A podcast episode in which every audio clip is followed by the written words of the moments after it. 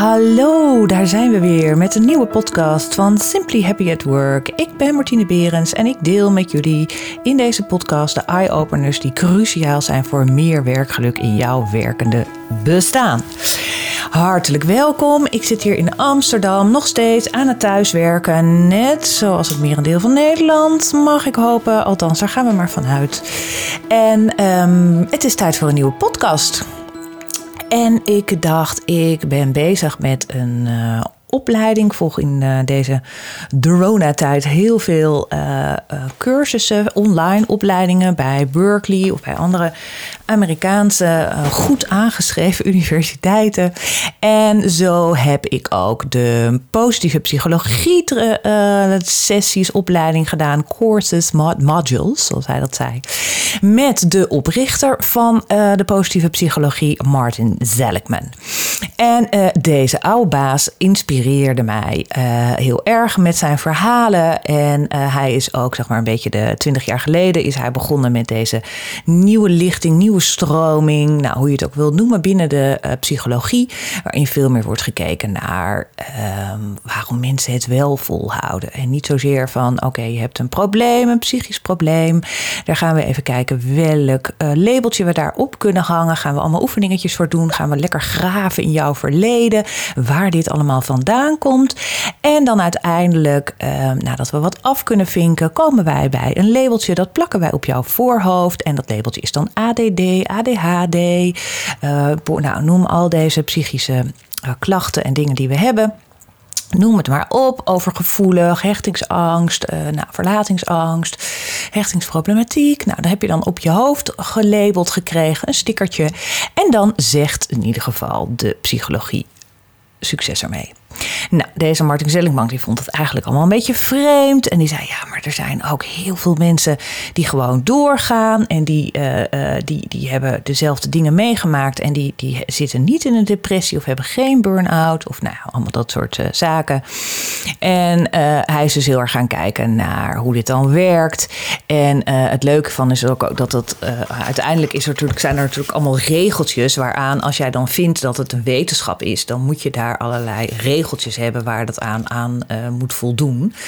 En uh, nou, daar heeft hij natuurlijk allemaal aan uh, kunnen voldoen. Ik, moet, ik ben even aan het opzoeken ondertussen, dat hoor je wel waarschijnlijk, dat ik er even naar kijk wat dat ook alweer is. Je, je, kunt, je moet het kunnen meten. Is het, een, uh, is het een theorie? Heb je wel voldoende data? En uh, nou, weet je, daar, daar, daar zijn natuurlijk allerlei mensen die daar dan wel van alles over kunnen zeggen. En nou, uiteindelijk kunnen ze zeggen, ja hoor, de psychologie, de positieve psychologie, is absoluut een wetenschap. Want je kan het het is te definiëren en uh, nou, we kunnen er uh, van alles mee. En het zijn gewoon hele mooie uh, vaardigheden in je leven die je kan, aan kan oefenen, aan kan, aan kan draaien. Aan deze knoppen kan je draaien. Het is namelijk zo dat in principe in de, mens, de mensheid natuurlijk van, van nature niet heel erg positief geboren is en gedaan is. Maar het blijkt dat je daar allerlei dingen aan kan. Hè, je, kan je kan het trainen. Je hersenen zijn natuurlijk in eerste instantie gewoon uh, um, gemaakt, gecreëerd, uh, ontworpen, zo je wilt, om te kunnen overleven. En, en ze zijn heel erg lui. Dus als er gevaar is, als er alert moet zijn, dan gaan je hersenen werken. En dan hebben ze heel veel energie en dingen nodig. En als dat niet hoeft, dan zijn we gewoon lui. In ieder geval je hersenen. Maar je hersenen kan je trainen. is één grote spier, bij wijze van spreken. Die kan je trainen.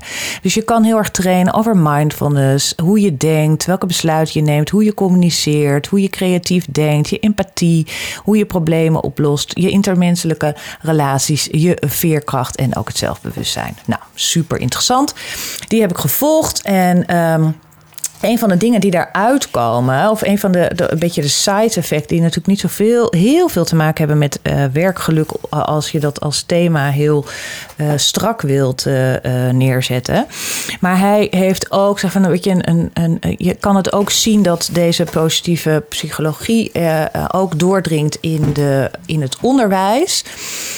In het kader van positieve educatie. Dat mensen, hè, dus het, en dat je het ook ziet in, het, in de journalistiek. Daar noemen ze het geen positieve journalistiek, maar constructieve journalistiek. Ehm, en ook daar zie je dat deze stroming ehm, werk zijn werk aan het doen is. En, en, en andere kijk zeg maar, op, op, op journalistieke vragen met zich meebrengt. En niet altijd maar zit over het negatieve en het slechte, maar veel meer kijkt van oké, bijvoorbeeld de vreemdelingenproblematiek van oh, wat hebben die het erg, wat is het heftig en jeetje, huis en haard verlaten en zo heel erg in dat negatieve zit, maar veel meer kijkt van jeetje, hoe hou je dit vol? Waar komt jouw hoop vandaan? Waar komt jouw veerkracht vandaan? Waarom blijkt dat jij steeds maar doorgaat? Nou, et cetera, et cetera. Waarom heb je überhaupt deze stap genomen? Et cetera, et cetera. Nou, wat ook interessant is, en dat is ook een beetje dat toen ik daar aan het, mee aan het kijken was en met hem aan, naar die Martin Zelikman aan het luisteren was, ging opeens bij mijzelf een soort knopje aan, omdat, omdat me dat zelf ook overkomen is. En uh, dus ik wil even in deze podcast een soort zij weggetje met jullie eh, ingaan, een zijpad bewandelen over de positieve gezondheidszorg en wat voor onderzoeken er daar zijn gedaan. En je ziet natuurlijk, want uiteindelijk uh, als jij medewerkers in dienst hebt, die zullen ook een keertje ziek zijn. En je ziet dat we hebben net een week van de werkstress achter de rug met allerlei enorme heftige aantallen van burn-out gevallen of stressklachten met allerlei nog heftigere kostenposten die daaraan gekoppeld zijn. Dus het heeft wel degelijk ook invloed op de werkvloer. Maar wat was er namelijk aan de hand? Ik, um, dus je kijkt veel meer naar positieve gezondheid. En dan uh, voorheen werd er namelijk heel erg gekeken naar allerlei ernstige events of dingen die je allemaal uh, overkomen zijn. En um, er werd eigenlijk helemaal niet zoveel gekeken naar de positieve dingen. Of in ieder geval of er ook positieve kanten zijn aan, die jou een beetje kunnen beschermen tegen allerlei ziektes of soorten kwalen die jou zou kunnen overkomen. En of een positief ingesteld persoon zeg maar, andere kwalen heeft dan een, negatief, meer negatief ingesteld persoon. Nou, er zijn eindeloos veel onderzoeken naar gedaan. En, um, maar ik ga even terug naar wat, wat mij zeg maar, zelf is overkomen. En waar die Martin Zelkman zelf ook een voorbeeld van geeft. En daarom dacht ik even analoog daaraan van, oh ja, dat is grappig. Want dat is mij ook een beetje zo uh, gebeurd. Uh, ik heb namelijk een, een uh, drie jaar geleden een ernstig onge, ongeval, ongeluk. Ja, ik weet nooit goed hoe ik het moet noemen. Maar ik heb in ieder geval, mijn oog is ernstig beschadigd. En ik heb een hoornvliestransplantatie moeten ondergaan. En nou, ik ben, het is gebeurd in Thailand. Dus ik heb daar een aantal weken in het ziekenhuis gelegen. Uiteindelijk overgebracht naar Nederland. Hier hebben ze de hoornvliestransplantatie gedaan. En uh, aan uh, krijg je dus allerlei medicatie. En mijn zicht is dramatisch verminderd. En ehm, door die medicatie die je dan moet gebruiken tegen afstoting, want het is natuurlijk een andermans hoornvlies die ik in mijn oog heb, daar zitten allerlei weer complicaties aan vast. En onder andere was er een complicatie dat mijn oogdruk heel hoog was. En uh, ik weet nog het heel goed. Het was een beetje, het was volgens mij 1 februari. En uh, het was op een vrijdag. En het was vrijdagmiddag. En ik had een beetje een rood ontstoken oog. Dus er was een soort adertje gesprongen. Of nou, het zag er een beetje uh, ontstoken uit. Dus ik ben natuurlijk altijd een beetje voorzichtig als er iets in dat mijn linkeroog gebeurt. Um, en ik dacht bij mezelf, jeetje, zometeen ga ik het weekend in. Zit ik met dat rode ontstoken oog. en het was niet de buitenkant, maar het was echt in mijn ogen. Laat ik toch maar even gaan kijken. Dus toen eh, kan je naar een spoedspreekuur. Dus daar ben ik naartoe gegaan. En daar kwam uh, de, de, arts en die ging mij onderzoeken. En die uh, schrok een beetje. Of ik zag aan zijn reactie dat hij heel erg schrok. En hij stelde mij maar steeds de vraag: Mevrouw, heeft u nergens last van? Heeft u nergens last van? Ja, maar mevrouw, heeft u echt nergens last van? Want waar, u zit hier, waarom heeft u hier geen last van? Dus en ik zei maar de hele tijd van nee, ik heb nergens last van. Ik heb alleen maar een rood oog. En ik wil gewoon even voordat we het hele weekend ingaan en ik alsnog hier bij de eerste hulp terecht moet komen, dat even door jullie laten testen en even laten onderzoeken wat er mee aan de hand is. Nou, er zijn een andere arts erbij gehaald. En uh, god, nou, die vrouw die zat ook. Kennelijk waren mijn waarden waren dus heel erg hoog. Dus ook deze wat meer uh, gespecialiseerde arts zei tegen mij: Jeetje, heb je echt nergens last van? En god, je, heb je. En toen op een gegeven moment vroeg ik, stelde ik aan haar de vraag, maar vertel mij nou eens even waar ik last van moet hebben. Anders dan dat mijn oog rood is. Ja, maar ben je niet misselijk? Uh, ben je niet duizelig? Uh, uh, zie je nog wel helder? Ik zei, nou, ik zie niet zoveel, maar dat komt Omdat ik dat rode ogen heb. Ik zie sowieso niet zoveel, mevrouw. Um, en ze zei, nee, maar ben je niet misselijk? En, ze, en toen op een gegeven moment zei ze van, ja, luister, deze waarde, de oogdruk die jij hebt, is echt gigantisch hoog. Echt absurd hoog. En normaal uh, uh, zijn mensen die deze waarde hebben, kunnen niet eens naar het ziekenhuis komen, liggen brakend, kotsend, dood en doodziek in hun bed. Oké, okay, nou, dus ik zei ja, ik niet, want ik zit hier en ik. Nou. Dus dat vonden ze heel raar. En um, nou, toen hebben ze allemaal medicatie gegeven. Want het moest allemaal binnen een uur moest het heel hard gaan zakken na deze druppeltjes. Want anders moest ik opgenomen worden. Moest ik, nou, dus ik zat echt een beetje te kijken van nou, dat dacht ik allemaal niet. Want ik heb een heel leuk weekend voor de boeg. En dat was niet in mijn programma, deze dingen. Nou goed, ik zal jullie verder besparen met de, de, de uh, uh, de, de dingetjes die daar vervolgens uit zijn gekomen. Het is uiteindelijk goed gekomen hoor. No worries. Ben weer geopereerd. Maar um, het grappige was dat ik Totdat ik dit verhaal hoorde van Martin Seligman, want die had eenzelfde soort situatie, ook met zijn arm. En die zei van, en die artsen zeiden allemaal, ja, maar wat jij kan en de pijn die jij moet hebben, jij, jij kan, hoezo loop jij hiermee door en waarom heb je hier geen last van? Want 80% of 90% van de mensen die dit, deze klachten hebben en deze pijn, die, die, die kunnen helemaal niks meer. En die, die zitten huilend, zitten ze hier bij ons om te vertellen. En jij bent hier alleen maar omdat je uh, denkt van, oh, nou.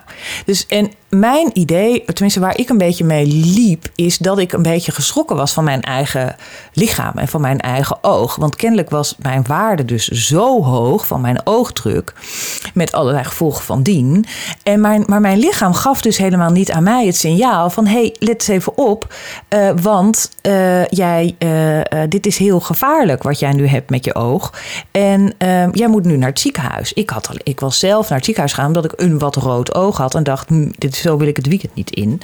Maar ik was niet helemaal ziek geworden zoals die arts vertelde... dat je brakend en kotsend in bed ligt en dat je helemaal niks meer kan.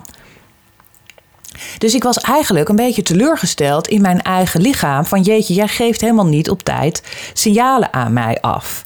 En uh, dus ik raakte daar een beetje van, of niet in van in paniek. Maar ik was wel een beetje dat ik dacht bij elke volgend klachtje wat ik had, was ik weer, zat ik weer bij de, uh, de, spoed, de spoedspreekuur in de VU bij de, bij de oogkunde. Want ja, tenslotte geeft mijn lichaam niet aan als het heel ernstig is. Dus kom ik nu maar voor elk wisselwasje bij jullie. Want ik vertrouw het niet meer. Nou, toen kwam deze Martin Zellingman in zijn, uh, in deze, die gaf dus zijn voorbeeld en dat dat had ik dus gelegd op mijn eigen voorbeeld. En die zei van ja, het kan gewoon zo zijn dat als jij jouw, jouw uh, gedachtes en jouw mind, zeg maar, heel erg, dat je wat je optimistisch bent en dat je daar dus heel erg in getraind bent, dan kan dat een soort van beschermingslaag zijn of een, bij sommige uh, klachten. En kan dat dus heel steunend zijn bij herstel en bij dat soort dingen. Dus hij zei van het is helemaal niet zo. Toen dacht ik van oh, dus het is helemaal niet zo dat mijn omdat ik vrij hè, altijd positief ingesteld ben, maar ook heel erg deze positieve psychologie in de praktijk breng. En heel erg focus op dat wat er wel is en niet zozeer over wat er allemaal fout gaat. Um, kan je dus uh, dat voor zorgen dat je daar dus ook, dat dat er meer een soort, hè, dat jouw houding en jouw instelling en jouw optimisme en daarmee jouw vitaliteit en de tevredenheid die je hebt met je leven, dat je dat dus als een soort beschermingslaag voor je kan inzetten op het moment dat jij met een aantal klachten uh, wordt uh, geconfronteerd. In mijn geval dus een soort infectie. En um, nou, dat, ik vond dat echt heel interessant. Want ik dacht, ik was dus eerder zo dat ik eerder dacht, hè, wat ik zei, dat mijn lichaam mij een beetje in de steek had gelaten. Maar eigenlijk dacht ik van nee, het is helemaal niet waar. Want het is juist doordat ik heel, uh, door dat hele positieve uh, en optimistische en, en vitale houding, ik veel meer dat als een soort bescherming heb gezien. En dat mijn lichaam daar dus op dat, op dat moment op die manier op reageert. In plaats van dat het andersom is. Ik hoop dat jullie mij nog even kunnen volgen op dat vlak. En dus als je veerkrachtig bent, dus als je daar ook op traint en als je daar dus in, uh, hè, als je weet aan welke knoppen je moet draaien door te zorgen dat je meer veerkrachtiger bent, dan leidt dat dus ook dat je dit soort dingen, dat je wat, wat succesvoller ouder wordt, dat je wat meer opbloeit en dat je het allemaal wat vrolijker en wat positiever inziet. Nou, ik vond het een, echt mega interessant. En ik vond het ook heel fijn om het op die manier eens naar te kijken. Omdat het voor mij zeg maar een andere kijk gaf. Niet zozeer dat mijn lichaam mij in de steek liet als het heel veel ernstige signalen heeft. Maar dat mijn lichaam, dat mijn hele mind en mijn hele lichaam daarin juist op die manier een soort bescherming uh, voor geeft. En het is ook wel grappig, omdat de artsen ook vaak tegen mij zeggen van jeetje, bij alles wat ik heb meegemaakt. Want ik heb nogal wat operaties aan dat ene oog uh, ondergaan. Sinds dat ik dat, dat mij dat drie jaar geleden is overkomen. Uh, uh, maar dat ik, er heel, dat ik er zelf heel positief over inzet. Weet je, ja, ik zie, ik zie inderdaad minder. En uh, goed, ik heb altijd een bril op, want ik, ik kan niet zonder mijn bril. Um, maar ik kan eigenlijk nog heel veel in het leven. En ja, het is af en toe een beetje behelpen. En af en toe moet ik even hulp vragen. En af en toe moet ik even, ja, weet je, pas je jezelf ook, maar ook weer aan.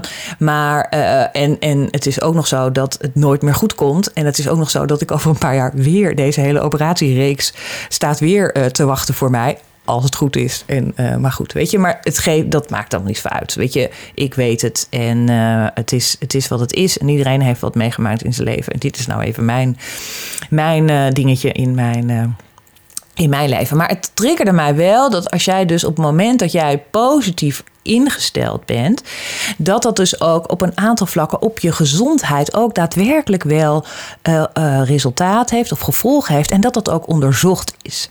En dat is wel uh, grappig, want en, en, ze hebben ook gekeken, dat vond ik eigenlijk nog een heel interessant. Het is een beetje, deze podcast is wat, om daar heel erg op om door te gaan heel specifiek op ingegaan, is het een beetje te, te kort natuurlijk. Want dan gaan we daar, dan zou je er eigenlijk met een soort. Um, zouden we er eigenlijk met een, met een deskundige uh, over moeten gaan kijken. Maar het grappige is dat zij hebben gekeken, dat is een onderzoek geweest, waarin zij uh, de twitters van bepaalde personen in een bepaalde regio hebben bekeken naar, en hebben ze gekeken naar leeftijd en uh, naar het taalgebruik.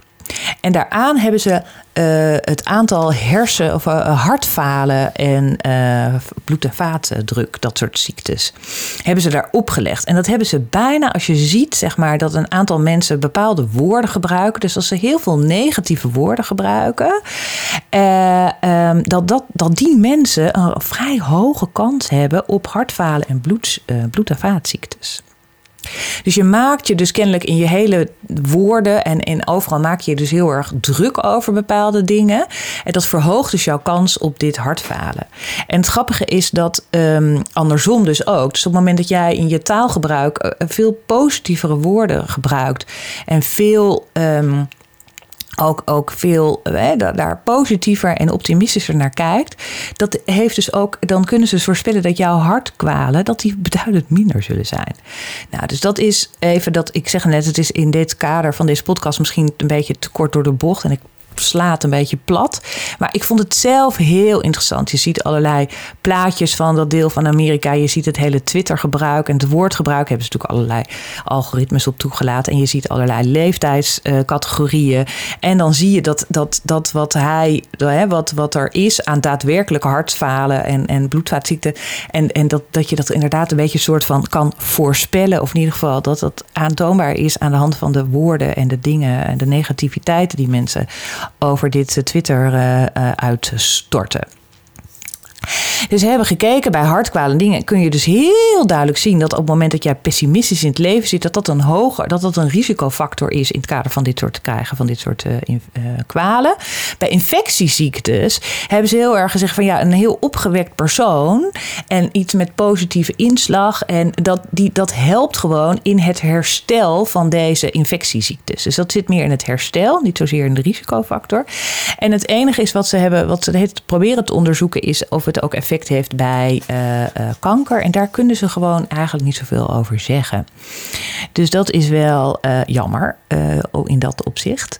Maar het is dus heel grappig hoe dat dus werkt en hoe dat dus doorwerkt.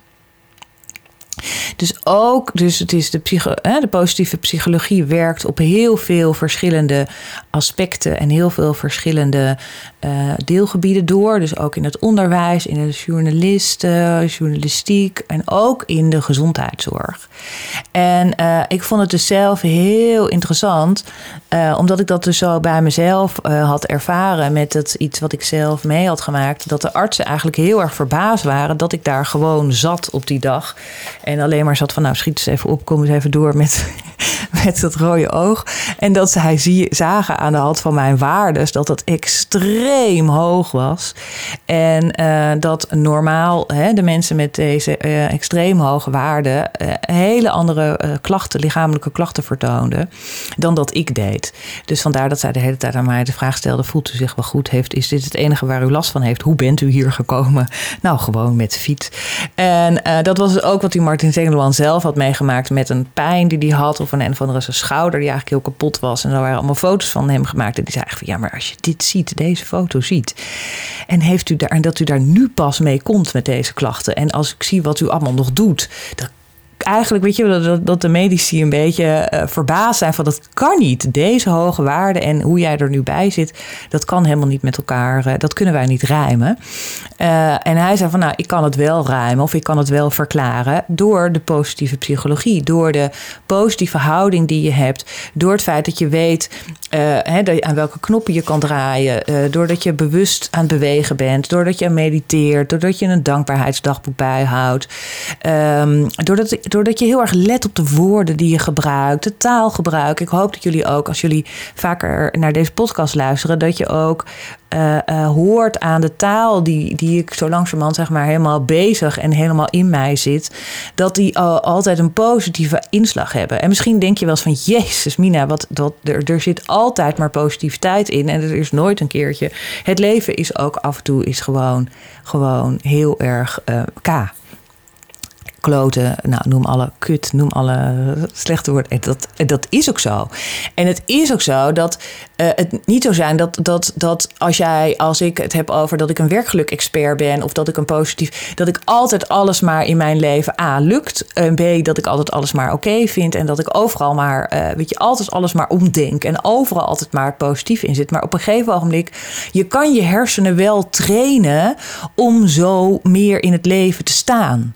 Dus wat ik net zeg, dat je hersenen, in het begin zei ik al, je hersenen zijn er, hebben, hebben, hebben, twee, hebben twee standen, namelijk actie, alertheid op het moment dat die sabeltijger uh, jou gaat aanvallen. En de andere stand is lui en wachten tot je weer alert moet zijn.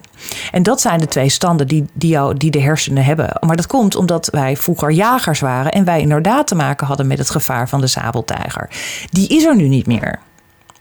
Maar onze hersenen zijn nog steeds zo in elkaar, zitten nog steeds zo in elkaar.